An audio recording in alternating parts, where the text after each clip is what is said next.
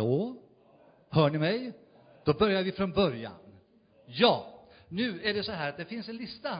Och eh, om man skulle vilja få hemskickad den här tidningen som heter Operation Exodus, som kanske ni har plockat åt er redan, det vet jag inte va. Men om ni vill ha den hemskickad så skriver ni upp namn och adress och om ni vill eh, så är vi tacksamma för e-post och telefon också om vi vill skicka något annat eh, eller något, bara meddelande eller sådär. Ehm, och eh, så det, den finns och Ulla har den eller nere på bordet eller sådär. Så att eh, välkomna att anteckna er där i så fall. Eh, det är också möjligt att ehm, bli en förebedjare om man känner att Gud kallar till att ehm, be just för detta med det judiska folkets återvändande till Israel. Det vi kallar för alja. Jag tror att Gud kallar kristna i den här tiden till att ge sig till, till att bli förebedjare och vara förebedjare. Så vill ni det så går det att anteckna sig där också så kan vi höra av oss lite mera. Ja, då ska du trycka på en knapp så att man får helbild. Det är den där lilla knappen eh, upp till, är den, eh, nej, inte där om du tänker där bredvid den där disketten som man sparar på, så lite grann till höger så finns det en mysko, mysko-symbol. Högst, högsta raden, högst upp. Där är den, och sen går du förbi lite, lite mer till höger, den ja, då får man en helbild. Hoppas vi. Den jobbar, vad underbart. Och då är det så här förstår ni, nu ska jag se om jag kan få fram den på min egen skärm så jag inte behöver vända mig bort hela tiden. Eh, jag skulle bara vilja dela den här texten med er därför att eh, det är, tycker jag, ett exempel på hur Gud, var, i varje tid när det är väckelse och Gud liksom väcker människor, så kopplas det också ihop med en kärlek till det judiska folket och till Israel och till en förståelse av de profetiska skrifterna.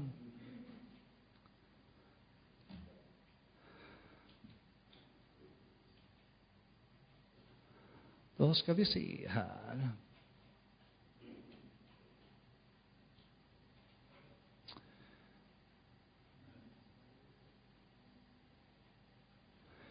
Och då är det på det här viset, förstår ni, att ehm, eh, den här texten som vi strax ska läsa, den är skriven av Charles Wesley. Och eh, Charles Wesley var den yngre, en yngre bror till John Wesley och båda två var förgrundsgestalter när metodismen bröt igenom i England. Och det är ganska spännande när man läser om de här bröderna plus en ytterligare person som heter White Whitefield, har jag för mig att den hette. Ni förstår, de hade möten ut, ute i det fria med inte bara tusen eller två, tre tusen, utan det handlade om tiotusen och ännu mera. Som hade väldiga samlingar ute och de fick faktiskt också utstå förföljelse för det kom busar och liksom kastade tomater och ägg på dem och så där också. Men, men eh, när den här, dessa bröder Charles och John Wesley, liksom Herren fick tag i dem. Därför att de hade utbildat sig, förstår ni, till, till att vara präster i anglikanska kyrkan. Och så åkte de faktiskt iväg som missionärer till Amerika. Det här var ju, det här är början, första halvan av 1700-talet, så det är länge sedan, vet ni. Och ehm, eh, de, de eh, tyckte inte att det där gick något bra och de kände sig allmänt misslyckade. Så åkte de hem efter några år. Men så fick Gud tag på dem och fick verkligen uppleva frälsning. Så det var inte bara en intellektuell sak längre, utan det blev en hjärtesak för dem alltså. Och eh, då, då, när de upplevde frälsningen så kallade ju Gud dem till att liksom börja predika Guds ord med, med tro och, och, inspiration och så att det väckte människor i massor alltså. Det var en väldigt stark väckelserörelse, metodismen. Och eh, då kan man säga också att Charles Wesley, den yngre brodern, han blev kallad av Gud att skriva sånger. Så han skrev massor med sånger och hymner. Man menar att han antagligen har skrivit omkring 6 hundra sånger. Kan ni tänka er att en människa kan göra det? Man, jag, jag, jag bara häpnar. Jag tänker, hur är det möjligt för en människa att skriva över 6 000 sånger? Men det är klart, han var ju inspirerad av den helige Ande. Och nu förstår ni, så ska vi läsa en, en eh, svensk, jag har översatt den till svenska, för jag vet inte om den finns på svenska av någon, någon duktigare översättare än mig. Men, men den här sången, den trycktes alltså första gången, som ni ser, våren 1762. Hur länge sedan är det? Det, visst, det måste ju vara 250 år sedan, va? Till och med några år mer än 250 år sedan. Och nu ska ni få höra Eh, då bygger den ju delvis på de här bibelorden, Jesaja 66 och Romarbrevet 11. Så vi läser bara dem så eh, får ni, får ni liksom lite grann av bakgrunden. Och då står det i Jesaja 66 och 19.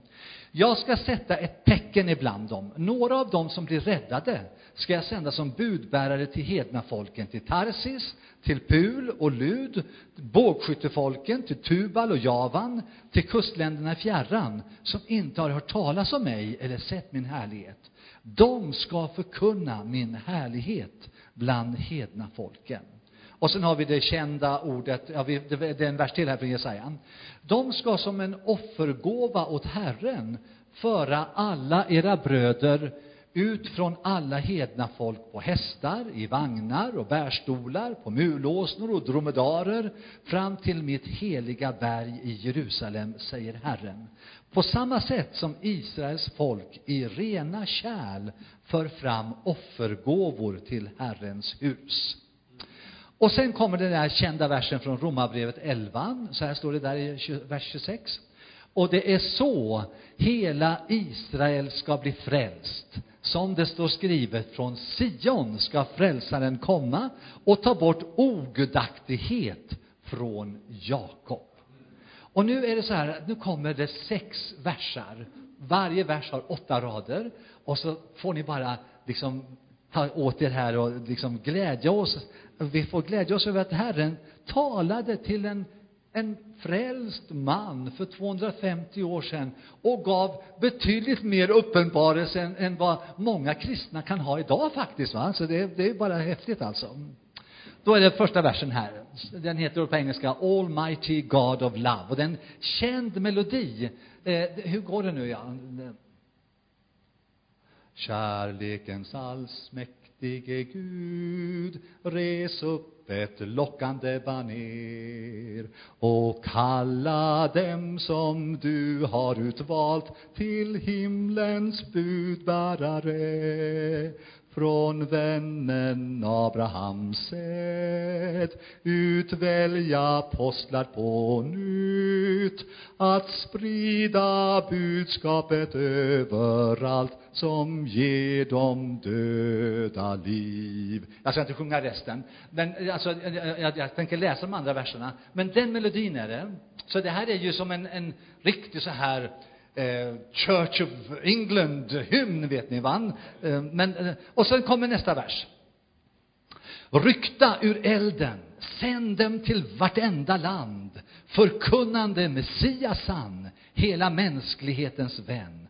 Alla de som inte känner Gud, av judar lär sig att tillbe och se din ära i din son tills tiden mer ej finns.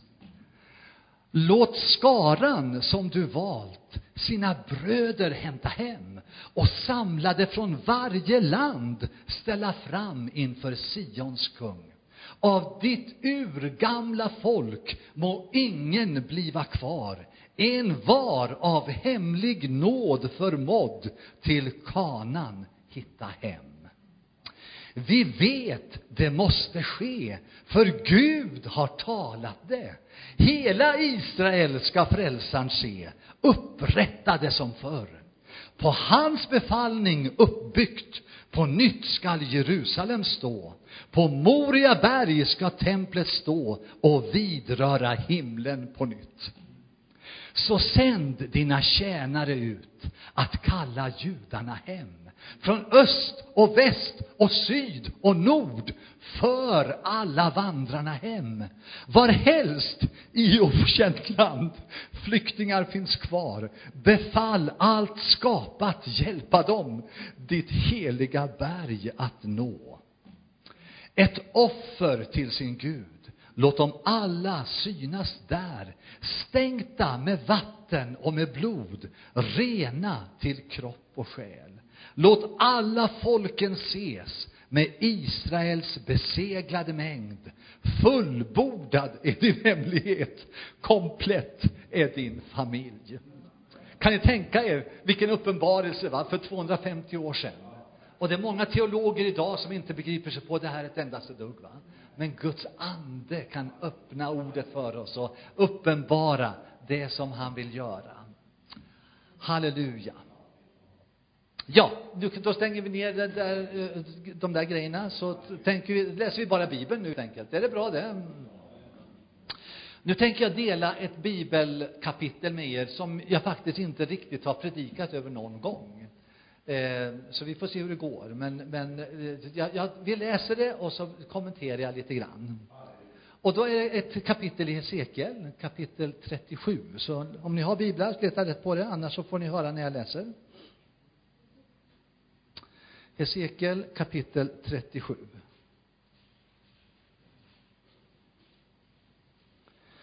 Och eh, detta kapitel är ju ett, eh, tror jag, för många av er i alla fall ett kapitel som ni känner igen.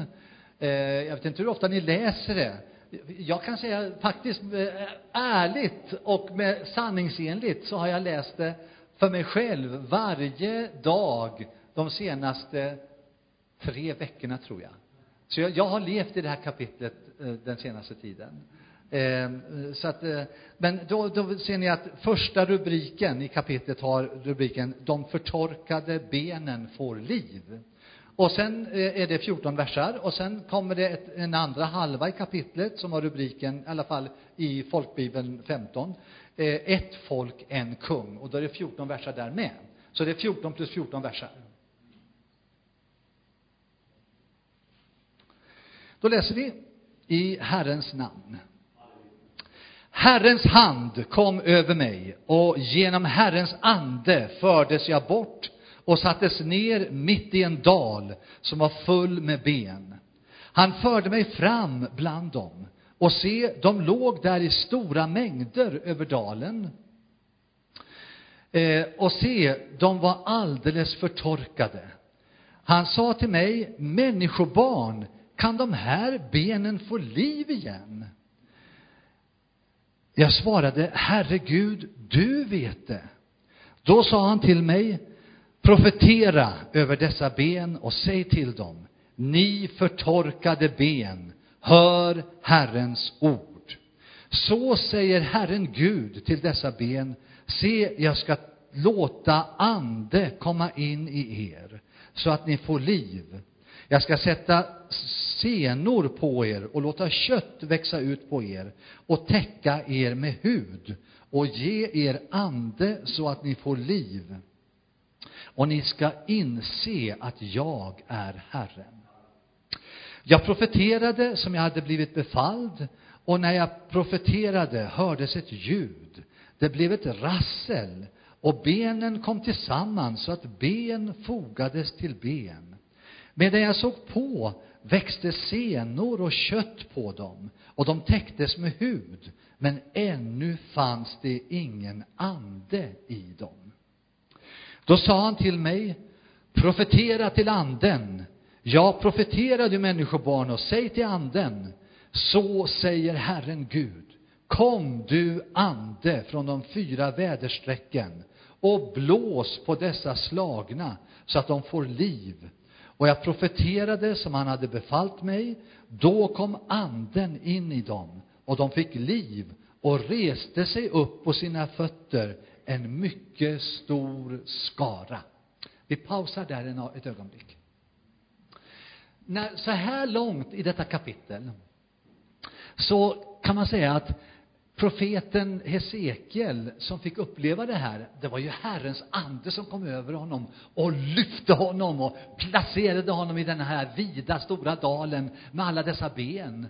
Och Herren talade till honom. Men eh, fram till den här punkten i detta kapitel så förklaras det ju inte vad är detta för någonting? Vad är det för ben som ligger där och vad, vad handlar det om egentligen?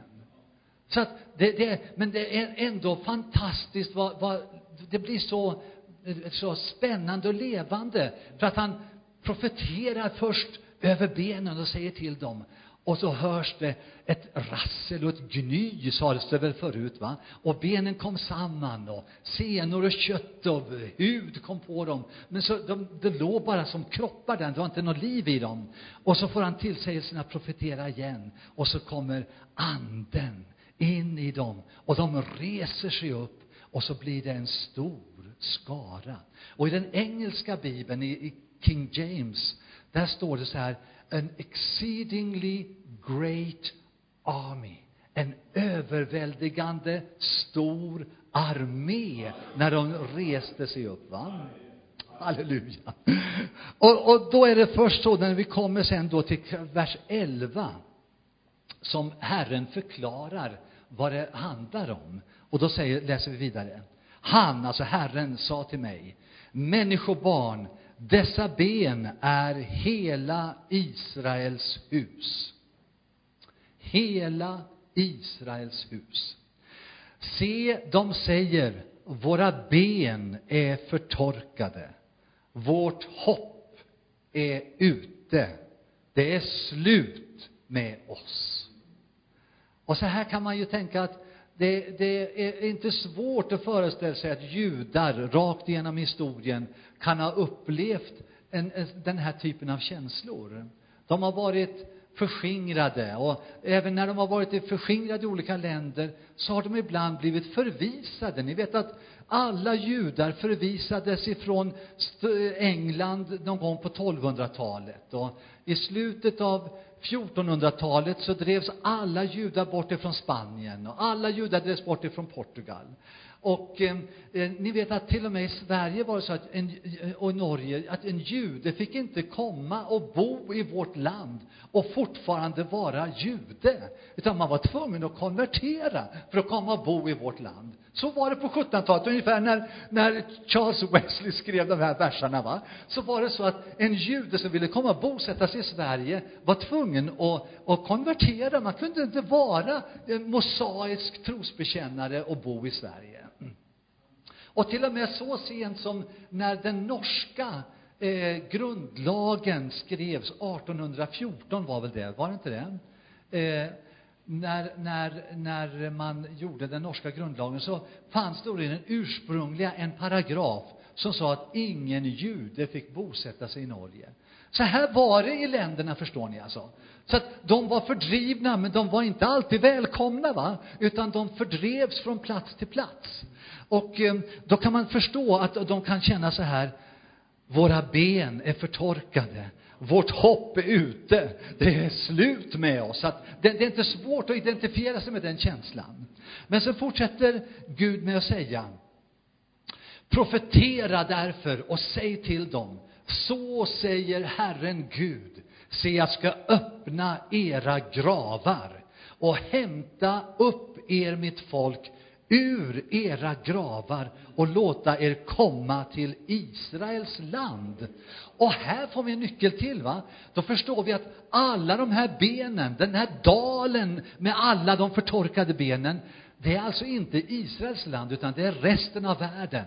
Så det är som att vi kan säga, det är ungefär som dödsskuggans dal, där som ligger full med ben. Och nu säger Gud att jag ska låta er, jag ska öppna öppna era gravar. Och jag ska låta er komma ut ur era gravar. Och jag ska låta er komma in i Israels land. Vi fortsätter med en eller två verser till här. Ni ska inse att jag är Herren när jag öppnar era gravar och för er, för upp er mitt folk ur dem. Jag ska låta min ande komma in i er så att ni får liv och jag ska låta er få bo i ert land. och ni ska inse att jag, Herren, har sagt det och att jag har gjort det, säger Herren. Lägg märke till här, i det här vevan när liksom det judiska folket säger att vårt hopp är ute. Det är ute med oss. Det finns liksom, det är ingen framtid här. Våra ben är förtorkade. Vårt hopp är ute. Det är slut med oss. Då talar Gud att, han ska, att profeten ska profetera. Och vad säger, vad säger det här budskapet från Gud? Jo, han kallar dem mitt folk. Mitt folk. Så att, att det, det, han, han känns vid sitt folk fast de är liksom på något sätt mänskligt sett så är det, finns det ju inget hopp. Va? Men han känns vid dem och kallar dem mitt folk. Och han säger det två gånger. Så säger Herren. Eh, jag ska hämta upp er, mitt folk, i vers 12. Och sen säger han det en gång till. Jag ska låta, eh, det är vers 13. Ni ska inse att jag är Herren när jag öppnar era gravar och för upp er, mitt folk, ur dem. Det här var den första halvan av kapitlet. Nu ska vi stanna till här lite grann. Jag ska koppla med några andra texter och sen ska vi läsa den andra halvan om en stund. Och det är så här att när jag, när jag har läst den här texten, just den här sista versen där, där Gud säger jag ska öppna era gravar och föra er ut ur era gravar och jag ska ge er liv. Jag ska låta ande komma in i er. Så, så förs mina tankar till en väldigt avgörande händelse som beskrivs i Johannes evangeliet. Så låt oss gå till Johannes evangelium kapitel 11, så ska vi läsa lite där. Och det kapitlet eh, 11, det, är, det handlar egentligen om en stor händelse eh, som ett stort mirakel eller under som Jesus gjorde. För rubriken säger så här, Jesus uppväcker Lazarus. Och nu ska vi läsa lite här och vi ska liksom försöka, låt oss be att Herren bara talar till oss genom, genom det som vi läser här. För att, jag kan inte läsa hela för det är ett långt kapitel, utan det får ni göra på egen hand. Men det är ändå så att Jesus var på ett helt annat ställe än där Lazarus och hans systrar Marta och Maria bodde. De bodde i Betania, eh, nära Jerusalem. Men Jesus var på ett helt annat ställe därför att han hade blivit hotad och faktiskt de var, det, det var så att människor ville döda honom. Så då hade han gått över Jordan och var på andra sidan, på östra sidan om Jordan. Och så fick han bud om att Lazarus var allvarligt sjuk när man läser det här så säger Jesus eh, ändå att eh, den här sjukdomen slutar inte med döden, säger Jesus där i början i kapitlet. Va? Och, eh, och då tror lärjungarna, ja men då, då, då går det, kommer det sluta bra. Eh, men ändå så gör sig Jesus ingen brådska utan väntar några dagar och sen eh, först efter då ett par dagar så beger de sig iväg till det här hemmet där Lazarus bodde. Och ehm, då, då, då säger Jesus faktiskt en gång till, vår vän Lazarus sover. Och då tror lärjungarna, ja men om han sover då kommer han ju bli bra igen. Men Jesus visste att han hade dött. Och då säger han tydligt och klart, nej, han är död. Eh, eh, Lazarus är död. Men nu ska vi gå till honom. Och lärjungarna upplevde det här var en så pass hotfull situation att Thomas nämns här att han säger till de andra lärjungarna, låt oss gå vi också, så att vi kan dö tillsammans med honom. Så att det här är ju vid, vid den tidpunkten nära då Jesus blir tillfångatagen och dödad. Så här bara, det är ju bara en liten tid innan. Och därför så är det, det är laddat, förstår ni. Och, men ändå så går de med honom och så kommer Jesus fram.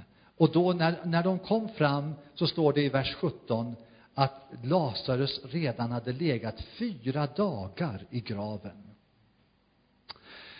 Och då när, när Jesus kommer in i byn så, så på något sätt får Marta reda på att han är på väg. Och så kommer hon ut och så liksom säger hon till Jesus, Herre, om du hade varit här så hade inte min bror dött.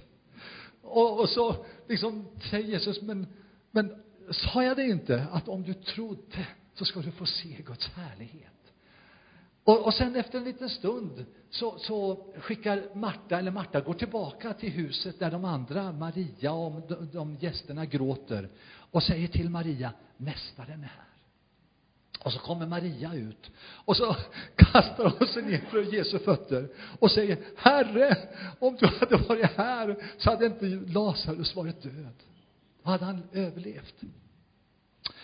Och när Jesus ser hur, hur både hon gråter och de andra gråter så, så står det på något, ett väldigt intressant uttryck, eller vi kan, vi kan läsa innan till här nu en, en bit ifrån vers 33. När Jesus såg hur hon grät och hur judarna som följt med henne grät blev han djupt rörd och skakad i sin ande och frågade var har ni lagt honom? De svarade, Herre, kom och se. Och så kommer vers 35 som är en av de kortaste verserna, om inte den allra kortaste i hela Bibeln. Jesus grät. Då sa judarna, se hur han älskade honom. Men några av dem sa, kunde inte han som öppnade ögonen på den blinde ha gjort så att Lazarus inte dog? Jesus blev åter djupt rörd i sitt inre och gick fram till graven. Det var en klippgrav som, med en sten för öppningen.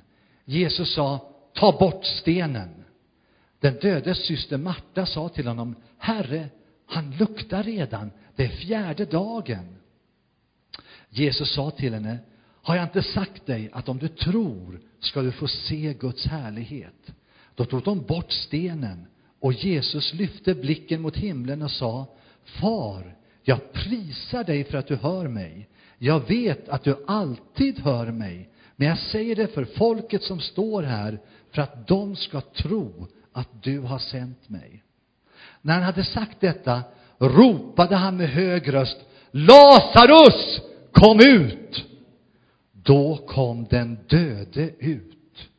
Han hade fått liv då med fötter och händer inlindade i bindlar och med ansiktet täckt av en duk. Jesus sa till dem, gör honom fri och låt honom gå. Och jag, jag, jag, bara tänker på när vi läste de här verserna i där Hesekiel 37, när Gud säger till profeten eh, eh, eh, det här budskapet att jag ska öppna era gravar det är som här när, när Jesus säger till folket där vid Lazarus grav, ta undan stenen, flytta bort stenen, så att gravens öppning öppnas, så det är öppet där. Och så säger Gud till Hesekiel, jag ska föra er ut ifrån era gravar. Och här står Jesus vid den öppna graven där Lazarus är lagd och säger, Lazarus, kom ut. Och när man läser detta, hur, hur starkt Jesus var berörd. För vi vet ju att Jesus uppväckte ju faktiskt ett par andra döda när vi läser evangelierna. Men det verkar som att det här var en väldigt speciell händelse. Och, och jag vet inte om jag drar det här lite för långt. Det, det, det, bara, det här är mina tankar. Men jag tänker mig så här att när Herren talade med Hesekiel, där i Hesekiel 37, ni vet att det var, det, det var den helige ande som talade.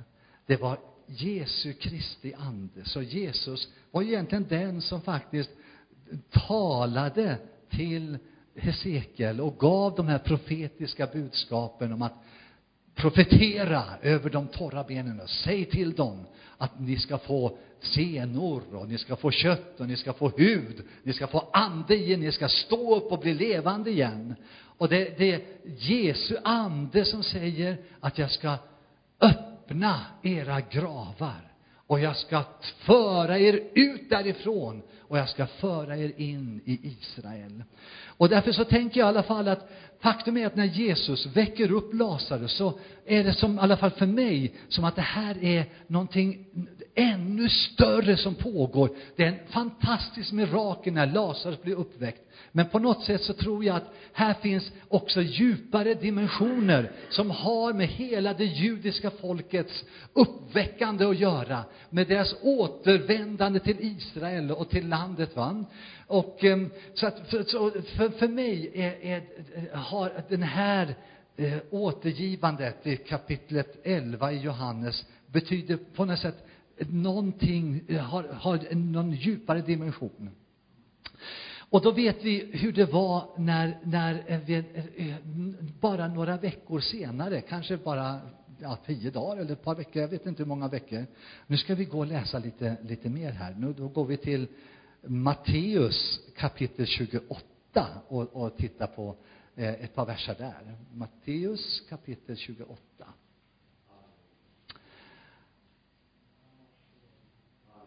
Och då är ju det kapitlet som är då, kapitlet innan så berättas det om hur Jesus blir korsfäst, hur han lider och dör, hur han ger upp andan, hur han begravs, hur en vaktstyrka bevakar graven. Men då när vi kommer till kapitel 28 så läser vi några verser i början där. Efter sabbaten, i gryningen den första veckodagen, gick Maria Magdalena och den andra Maria för att se på graven. Då blev det en kraftig jordbävning, för en Herrens ängel kom ner från himlen. Han gick fram och rullade bort stenen och satte sig på den. Hans gestalt var som blixten och hans kläder var vita som snö. Och så står det att vakterna skakade av skräck för honom och blev som döda. Så här på påskdagsmorgonen så kommer en Herrens ängel ner och när han sätter sina fötter på jorden så blir det en stor jordbävning. Så det bara skakar hela marken där. Och sen så, denne väldiga ängel bara rullar undan stenen som ligger för graven. Men sen, vad är det som händer sen? Som inte, jag, jag, jag bara föreställer mig att sen så tror jag det är pappa, Abba, som säger Jeshua, Jeshua min son, min älskade, min smorde, kom ut! Därför att vi läser ju om att det är här fadern som väcker upp sonen ifrån de döda. Och så att här, här, här ser vi också en sån här situation när någon blir uppväckt och kommer ut ifrån graven och det är Jesus Kristus själv. Och vi vet att det som han gör när han dör för oss och när han blir begravd och när han uppstår, det är det som är vår frälsning. Men det är också det som är det judiska folkets frälsning och det judiska folkets eh, möjlighet att upprättas. Att från att ha varit döda ben få liv igen och ställa sig upp som en övermåttan stor armé och komma in i landet som Gud har lovat dem. Och att liksom på något sätt, där kopplingen mellan folket och landet åter etableras. Och där vi nu väntar på att den tredje delen ska ske och det är att deras Messias ska komma och bli erkänd och välkomnad och bara hyllad när han kommer tillbaka. Eh, det här är perspektivet. Och därför så vill jag bara påminna igen om ett bibelord som vi läste i någon av samlingarna igår. Och det var ifrån Romarbrevet 15. Låt oss gå till Romarbrevet 15 och titta på eh, ett par verser där i det kapitlet som eh, talar lite grann om detta också tycker jag.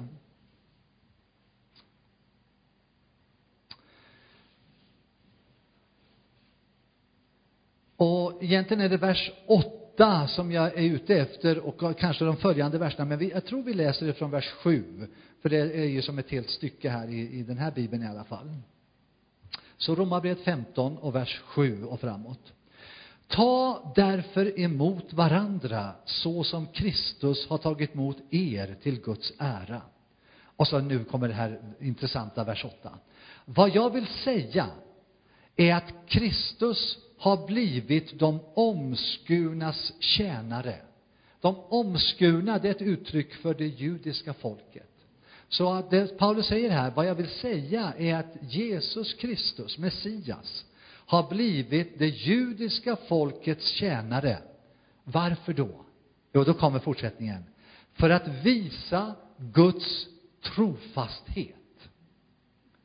Gud är trofast. Och en sak till. Och bekräfta löftena till fäderna. Och här har vi alla dessa löften som Gud har gett i Gamla testamentet. Och faktum är att profetian vi har läst i Hesekiel 37 är en del av löftena till fäderna. Jag är övertygad om det. Och där, där så att allt det som Gamla testamentets profeter har, har talat från ingivna av Gud, av den heliga Ande. Allt detta är, får sin bekräftelse när Jesus dör, blir begravd och uppstår ifrån de döda. Halleluja! Ja, det, det, är härligt. Och så därför läser vi vidare också, för det är inte bara det, utan det har också med oss att göra. För nu läser vi i versen eh, 9. Och att hedningarna, och det är vi det, vi kommer från hednafolken, eh, har fått prisa Gud för hans barmhärtighet. Som det står skrivet, därför vill jag tacka dig bland hednafolken och lovsjunga ditt namn. Det står också, jubla ni hednafolk tillsammans med hans folk. Och på ett annat ställe, lova Herren alla hednafolk, prisa honom alla folk.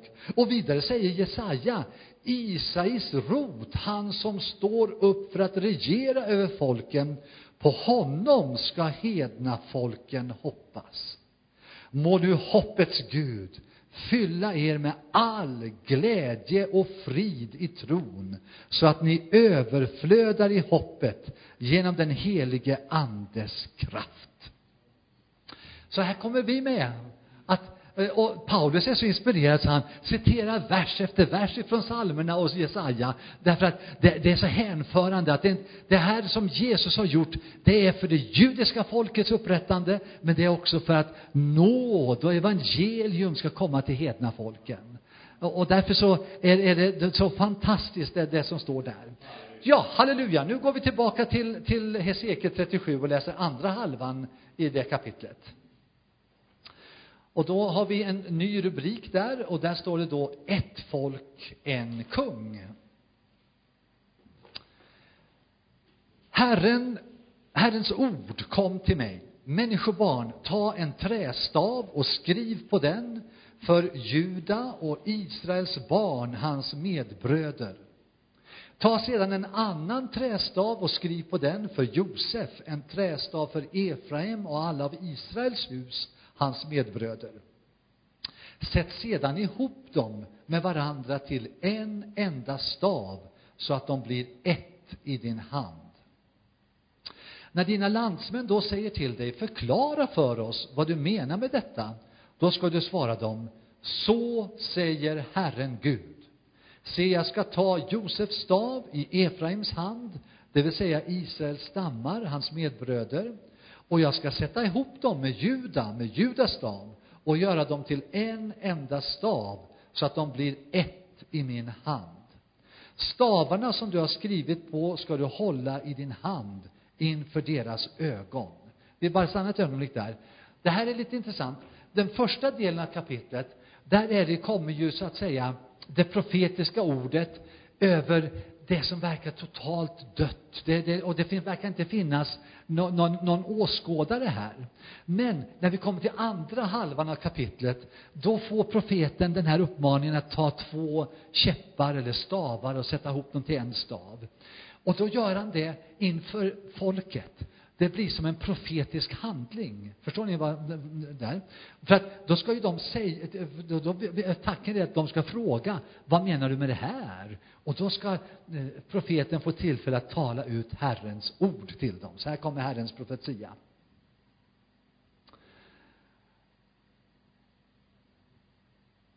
Hur långt hade vi kommit? Eh, vers 21 ska vi börja på, va? Säg sedan till dem, så säger Herren Gud. Se, jag ska hämta Israels barn ut från de folk dit de kommit. Jag ska samla dem från alla håll och föra dem in i deras land. Jag ska göra dem till ett enda folk i landet, på Israels berg, och de ska alla ha en och samma kung. De ska inte mer vara två folk och inte mer vara delade i två riken. Och de ska inte mer orena sig med sina avgudar och vidrigheter och alla sina brott. Jag ska rädda dem från alla orter där de syndat och rena dem. De ska vara mitt folk och jag ska vara deras Gud. Min tjänare David ska vara kung över dem och de ska alla ha en och samma herde. De ska leva efter mina föreskrifter och hålla mina stadgar och följa dem. De ska bo i det land som jag gav min tjänare Jakob, det land där era fäder bodde. De ska själva bo där, de och deras barn och deras barnbarn till evig tid. Och min tjänare David ska för evigt vara deras furste. Jag ska sluta ett fridsförbund med dem.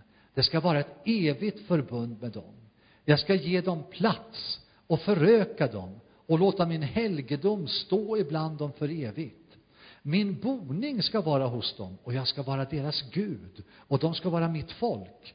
Alla folken, det betyder alla hedna folken, ska inse att jag är Herren som helgar Israel när min helgedom är mitt ibland dem för evigt. Halleluja. Så vi ser ju här att fastän det är liksom två avdelningar i kapitlet så är egentligen budskapet är detsamma. Att folket ska föras ifrån förskingringen var helst de är, norr eller söder, öster eller väster, från alla håll och kanter ska de föras tillbaka till Israel. Det är det som Gud säger här, va? i den här, det, det är liksom profetians huvudbudskap. Och jag, jag, tycker det blir så starkt för mig när, när Gud säger här på två ställen, så det blir en stark betoning på det, att de ska vara, ni ska vara mitt folk och jag ska vara er Gud. Och så säger han det på, alldeles på slutet, jag ska vara er Gud och ni ska vara mitt folk. Eh, så att Gud känns vid sitt judiska folk. Halleluja. Och eh, jag ska inte säga så jättemycket mera nu tror jag, utan, utan vi får bara låta de här orden eh, verka i oss. Men vi förstår ändå att det, detta med att det judiska folket återvänder från förskingringen till sitt eget land Israel. Detta är ett viktigt budskap i Bibeln. Det är inte som en liten så här eh, extra överkurs som man kan liksom tycka var intressant eventuellt, va? Utan det är en central punkt därför att det handlar, förstår ni, om att Gud när han började redan från början, det här pratade vi lite grann om igår, när han utsåg Abraham och kallade Abraham och gjorde ett folk, han skapade Israel, så var det inte bara att han skapade ett folk som liksom inte skulle höra hemma någonstans, utan han skapade ett folk som skulle höra hemma i Israels land, i det landområde som han gav dem och som han lovade eh, eh från allra första stund. Och på något sätt så är det så att nation, det är ett folk som finns i sitt eget land. Det är nation. Och det som Gud eh, hade tänkt från allra första början, det är att det judiska folket ska finnas i sitt eget land Israel. Men inte bara de, den, den kopplingen, utan det ska finnas en koppling till Herren själv. Och det är så att det vi håller på och upplever nu, det är att Gud upprättar kopplingen igen mellan folket och landet. Det har tagit ganska lång tid. Det startade, som vi sa igår, 1882 med första Aliavågen. Och sen har Aliavågorna följt den ena efter den andra. Sen när vi kom fram till 1948, då hände något väldigt, väldigt avgörande. För då kunde Israel proklameras som ett eget land. Eh, inte därför att FN röstade om det. Det var visserligen så att FN röstade, va?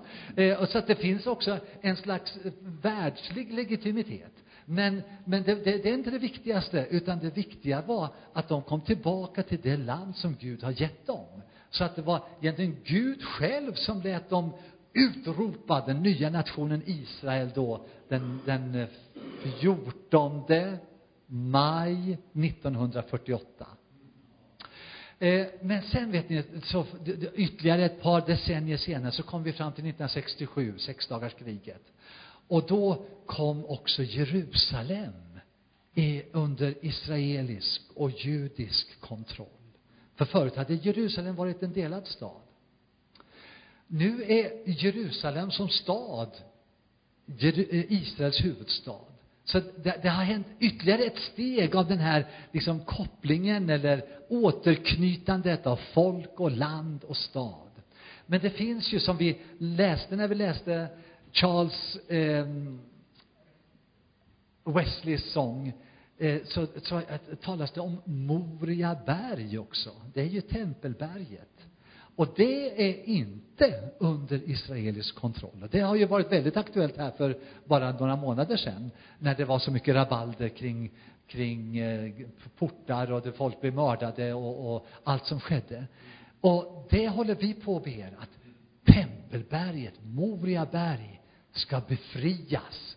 Oket som är där ska brytas. Och det ska komma in i den kallelse som det har enligt Guds ord.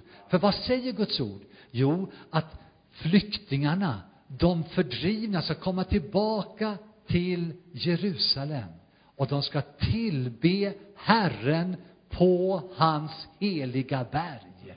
Och det, det kan de inte än, för att idag så får inte judar gå upp och be på Tempelberget. Och det får inte vi som kristna heller. I alla fall inte be högt. Vi kan ju be inom oss.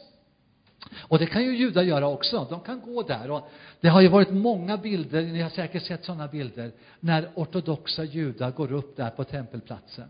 Och hur, vilka, vad de får utstå av förakt och spott och okvädinsord från araber som, som liksom bara hatar att de är på den platsen. Därför att det här är verkligen en andlig strid om denna plats, förstår ni.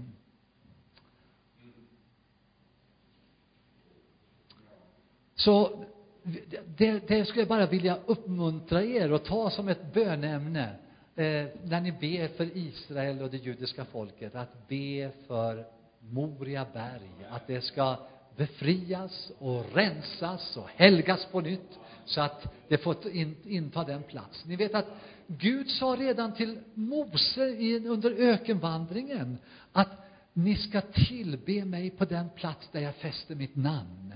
Och Mose visste inte då antagligen vilken plats det skulle bli, utan det uppenbarade Gud så småningom. Men det var när David erövrade Jerusalem och eh, byggde Sions stad. Och så småningom kom Davids son Salomo och byggde templet, det första templet där. Då, då, då, då fäste Gud sitt namn på det berget. Va? Och det är därför det är sån oerhörd kamp om, om den här platsen. Ja. Underbart. Halleluja, halleluja. Mm. Ja, jag tror, jag tror vi, vi nöjer oss med detta, så eh, eh, ber vi. Och sen kan, kanske vi kan ta en liten stund och be för Israel och för det judiska folket. Va? Det var, jag tyckte det var härligt igår kväll när vi, vi bad ju för er som kommer från olika håll och era församlingar och vi eh, avslutade med att be för för eh, Israel, några, några bönämnen om regn bad vi. Det är ju nu den tiden som regnen ska börja falla, eh, de, de tidiga regnen. Och så bad vi ju för säkerhetssituationen och för IDF och polisen och säkerhetstjänster. Eh, vad bad vi mer för? Ja, vi bad för detta med flyg och eh, transporter och det var någon som upplevde att det finns ett hot, kanske mot flygtrafiken. Eh, eh, det, det, är också ganska intressant att eh, 2014, när det här senaste Gaza-kriget eh, ägde rum, då var det ju så att amerikanska luftfartsmyndigheter, de eh, fattade ett slags beslut som sa att de ville inte tillåta eh, amerikanska flyg att landa på eh, Ben Gurion, flygplatsen utanför Tel Aviv. Eh, och det, det, det märkliga var att, att jag har läst flera artiklar om det där, att det, det, det är ju så att många andra platser i världen eh, flyger man eh, även om det är oroligt i, i närområdet. Så att det, det, flygtrafiken fungerar på många håll i alla fall. Utan man tolkade just det förbudet från den amerikanska luftfartsmyndigheten. Det var att det var president Obama som, som, som på något sätt ville ställa till det för, för Israel. För han var ju inte god vän med Benjamin Netanyahu. Och han, han verkade ju väldigt öppet egentligen för att någon annan skulle bli vald än Netanyahu. Så att det, det finns väldigt mycket politik i många saker. Men eh, vi, vi vill fortsätta att hålla, be för att flygtrafiken ska fungera. Det här är också viktigt när man tänker på Aliyah. Därför att när vi ber för, för detta med judarnas återvändande så har vi ofta böneinitiativ eller böneaktioner på olika ställen. Och eh, då, då talar vi i, i, i de här termerna att det finns portar som behöver öppnas för att judarna ska kunna återvända hem. Men det är inte bara portar som öppnas, utan också vägar, far, farvägar eller, eller highways, säger man på engelska, men alltså vägar ska öppnas för att de ska kunna färdas tryggt på vägarna. Va? Så att väldigt ofta när vi har böne, böneinitiativ så är det just för det som vi ber. Sen finns det andra delar som vi ber för, men, men eh, och då, då är ju en flygplats är ju en naturlig port in i ett land, när vi talar om Ben Gurion, men om vi talar om till exempel Östersunds flygplats, eller eh, det finns väl en flygplats här, va? Och eh, vi talar om Arlanda eller någon annan flygplats, vilken som helst, så, så kan det vara en port som är, leder ut ifrån förskingringen för att du ska kunna ta sig hem igen. Va? Och jag vill, innan vi ber, så ska vi ta bara påminna oss ett, ett väldigt eh, grundläggande bibelord ifrån Jesaja kapitel 62. Jesaja kapitel 62. Eh, det kapitlet, det, det tror jag många av er som är, har en kärlek till Israel och också ofta ber för Israel, att ni känner igen det här, för det talar ju här om för Sions skull vill jag inte tiga. För Jerusalems skull vill jag inte unna mig någon ro förrän dess rättfärdighet går upp som solen. Och så det sägs lite längre fram i den texten att på dina murar, vers 6 är detta, Jerusalem har jag ställt väktare. Och vi som älskar Israel, vi som vill välsigna det judiska folket och vi som ber för Israels upprättande, vi är väktare på Jerusalems murar. Det, det, eh, känner ni er som väktare? Jag tror, om ni inte känner er som det, så vill jag säga att ni är det i alla fall. Halleluja. Och så står det så här lite längre fram i samma vers. Nu kommer vi till den här versen jag egentligen tänkte på. Och det är vers 10. Gå fram. Det här riktar sig till det judiska folket i förskingringen. Gå fram. Fram genom portarna. Så här förstår ni, portarna måste öppnas. Och så vidare. Bana väg för folket. Röj, röj en väg och rensa bort stenarna. Res ett baner för folken.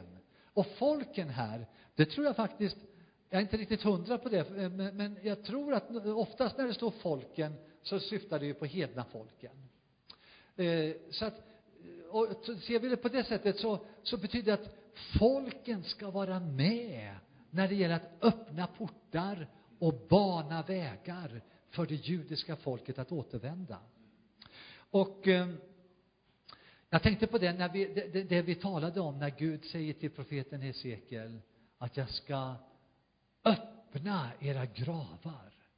Och när Jesus säger till folket runt omkring Lazarus grav, ta bort stenen från graven. Och när ängeln kom från himlen och det blev en jordbävning och ängeln rullade undan stenen framför Jesu grav. Att det, det här stenar rensas bort. Ofta tänker vi när på en väg så är det ju stenblock som ligger och hindrar eller eh, ett, om man tänker sig en väg i bergen och så kommer det ett ras och så ligger det massa, ett skred över vägen. Och det måste rensas undan för att vägen ska bli farbar. Men, men eh, eh det finns olika slags stenar. Och det är så här att när vi tänker på eh, stenar så förstår vi det också på det sättet att det är sådana handlingar eh, som vi som hedna folk och som den kristna kyrkan har gjort mot det judiska folket som på något sätt skapar sår hos dem. Va? Eh, om jag tar som ett exempel. Jag, jag var på en resa till ön Mauritius i juli månad. Och jag, jag kände att, att det var viktigt att åka dit för att be. Så att jag åkte dit och jag, det var en annan bro, broder från Indien som också är med i den internationella styrelsen. Han åkte också, vi var där två tillsammans några dagar. Och då är det så här, förstår ni, att nu, nu tror jag att jag kommer berätta någonting som ni inte känner till. 1940, i början av det andra världskriget, så var det judar som ville komma undan ifrån Centraleuropa. Det här var ju en tid då nazisterna började att eh, eh samla ihop judar och föra dem till läger och till, till eh, tack så jätte, till eh, förintelseläger så småningom. Och då var det många som ville komma undan.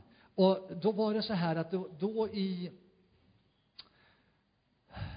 1940 kanske i eh, slutet av året, september sådär, så hade det kommit flera tusen judar på, via Donau på flodbåtar ner till Svarta havet och väntade på att kunna ta fartyg därifrån och bege sig till Palestina. Och eh, då var det tre fartyg som, som tog, eh, lastades, eller eh, som, där det gick ombord 3500 judar ifrån Danzig, Gdansk, från eh, München, från Wien, från Prag, eh, kanske från en del andra håll också. Och eh, så tog de de här skeppen från Svarta havet via Dardanellerna och Bosporen ner till Medelhavet och kom så småningom fram till Haifa. Men det här var på den tiden då Storbritannien hade ansvar för mandatet Palestina. Och man hade eh, egentligen från början hade ju Storbritannien öppnat för att det judiska folket skulle kunna återvända och få ett nationellt hem i Palestina. Det är så som Balfourdeklarationen säger. Men sen så, på något sätt så vände Storbritannien och gjorde nästan precis tvärtom. Va? Så man begränsade judisk invandring väldigt starkt. Så när det kom nu tre fartyg med 3500 judar så, så sa man, nej men vi kan inte låta alla dessa komma in i landet. Och eh, då var det så här att, att eh, då tänkte man alltså lasta över dem på något annat fartyg, för de här fartygen var så dåliga eh, och föra dem antingen till Cypern eller någon annanstans i världen eh, för att fängsla dem i väntan på att eh, liksom, kriget skulle ta slut eller sådär. Och eh, när, när Haganah, den här eh, eh, judiska motståndsrörelsen då, fick veta det här, att de skulle föras över på ett stort fartyg som heter Patria, tror jag, så, så skulle man sabotera fartyget. Så man satte dit en bomb för att man skulle eh, göra det, liksom på något sätt skada motorn så den inte skulle kunna ge sig iväg. Men bomben var alldeles för stark. Så den sprängde ett stort hål i fartyget. Och det dog en massa människor. Eh, och fartyget började sjunka. Eh, så att det som hände då, det var att då kunde engelsmännen inte låta, liksom transportera bort folk, utan då var man tvungna att ta dem i land. Så att då kom dessa eh, flesta av, av de som hade kommit från Svarta havet eh, och från Centraleuropa, eh, de fördes till fängelse eller ett fångläger som heter Atlit, som ligger strax söder om Haifa. Och där fick de vara i två veckor ungefär. Men, men de fick inte stanna kvar i landet. Och man menar att det kanske var den enda grupp judar som faktiskt kom och satte sina fötter på Israels mark, men sen ändå transporterades bort. För då efter några veckor så förde man dem till två holländska fartyg som eh, lämnade Haifa och ner genom Suezkanalen och ner genom Röda havet och ner till Indiska oceanen och ända ner till Mauritius. Och så kom då, eh, det var inte alla dessa, utan det var, eh, det var 1600 personer på dessa två eh, holländska fartyg. Och så kom de då till Mauritius eh, strax efter jul 1940. Och judarna, de visste inte vart de var på väg egentligen. Och så kanske de fick höra ryktet, ja, det är Mauritius, och de visste ju inte riktigt vad de hade att vänta. Men så kom de i land, och så var det bussar uppställda som körde dem till en plats lite söderut. De kom till Port Louis, som är huvudstaden och hamnen. Och så eh, kördes de en halvtimme ner till ett ställe som heter eh, ah, nu tappar jag bort namnet, men det kanske dyker upp. Men i alla fall, och så förstår ni, så last, får de eh, liksom kliva av bussarna, då är de vid fängelset på Mauritius. Så fängelset, de, de sattes i fängelse. De hade varit på flykt från nazisterna i Europa, kanske en del ett helt år. De hade farit eh, på, på havet och så hade sett, sett som i fängelse. Och så under de första 18 månaderna så hölls männen i en barack för sig, kvinnor och barn i en annan barack för sig. Så de fick inte ens leva som familjer under ett och ett halvt år. Men sen efter den tiden, då fick i alla fall familjerna leva tillsammans. Men ändå så dog 126 av judarna under perioden där. Och sen först efter andra världskrigets slut 1945, i augusti månad, då tillät engelsmännen att den här gruppen på cirka 1600 judar fick lämna Mauritius och de fick åka vart de ville. Och de fick faktiskt åka till Palestina om de ville det. Och det gjorde de allra flesta, inte riktigt alla, men de allra flesta eh, for till Palestina. Och eh, var alltså där sen bara något par år senare när Israel blev en egen nation. Men ni förstår, den här sortens händelser, det blir som en sten eh, för, en, för det judiska folket när de tänker på hur har vi blivit behandlade egentligen? Här har Storbritannien först sagt att ja, vi ska hjälpa er att få ett nationellt hem i Palestina och ni ska få flytta dit. Och sen när, när, när det verkligen brinn, bränner till och blir svårt för dem, ja, då säger man, nej, så här många kan inte få komma, för då blir araberna uppretade, utan vi, nu, nu flyttar vi er iväg någon annanstans. Och så får de eh, fraktas iväg nästan till andra sidan jordklotet på ett sätt. Va? Det, det här, förstår ni, det är stenar som finns som en sten på det judiska folkets väg fram tills dess att vi ber Herren om förlåtelse. Va? Att vi, vi, vi bekänner detta som synd och, och på något sätt tar avstånd från det och, och det, det talar om det för det judiska folket. För att då blir det som, som att, att, ja, den här stenen, den röjs undan ur vägen. Och ni förstår att det som vi håller på och ber om nu i Ebenezer, det här gäller ju på ett sätt speciellt Storbritannien, därför att det var de som eh, formulerade Balfourdeklarationen och hade ansvaret för mandatet under hela perioden, kan man säga 20-talet, 30-talet och nästan hela 40-talet. Under 30 år ungefär så hade de ansvar för mandatet. Va? Men de skötte sig inte, de gjorde inte det som vi tror var Guds kallelse. Så vet ni vad vi håller på att be nu? Jo, vi håller på att be att drottningen och premiärministern och företrädare för kyrkan och försvarsmakten att de ska ge en offentlig ursäkt till det judiska folket för sättet som de behandlade judar och Israel på under mandatperioden. Det håller vi på att ber. Och vi ber att den ursäkten ska ges i detta år. Och det är inte så många månader kvar, va? Vi är på mitten av oktober, så vi har bara halva oktober och vi har november och vi har december. Men vi ber och tror att, att Gud ska låta det här ske. Därför att det är här en sten på det judiska folkets väg tillbaka, förstår ni. Och, och vi behöver förstå det här. Det här är inte bara att, liksom, ja, det här hände så länge sedan och det rör inte oss. Utan på något sätt så får vi gå in, precis som Daniel, som, ni vet hur Daniel bad när, där borta i Babylon. Han sa, ja, vi, jag och våra fä, mina fäder och vår, vårt folk och våra kungar och våra ledare, vi har varit upproriska, vi har varit olydiga och det är därför som vi har blivit förskingrade till Babylon. Och därför så ropade han och bad till Gud, upprätta oss. Upprätta Jerusalem igen. Och jag tror att det var den bönen som Daniel och kanske hans vänner var med och bad. Jag tror inte han var helt ensam. Det var det som också öppnade vägen för att kung Cyrus skulle säga Ja, ni som tillhör det judiska folket, nu är det dags.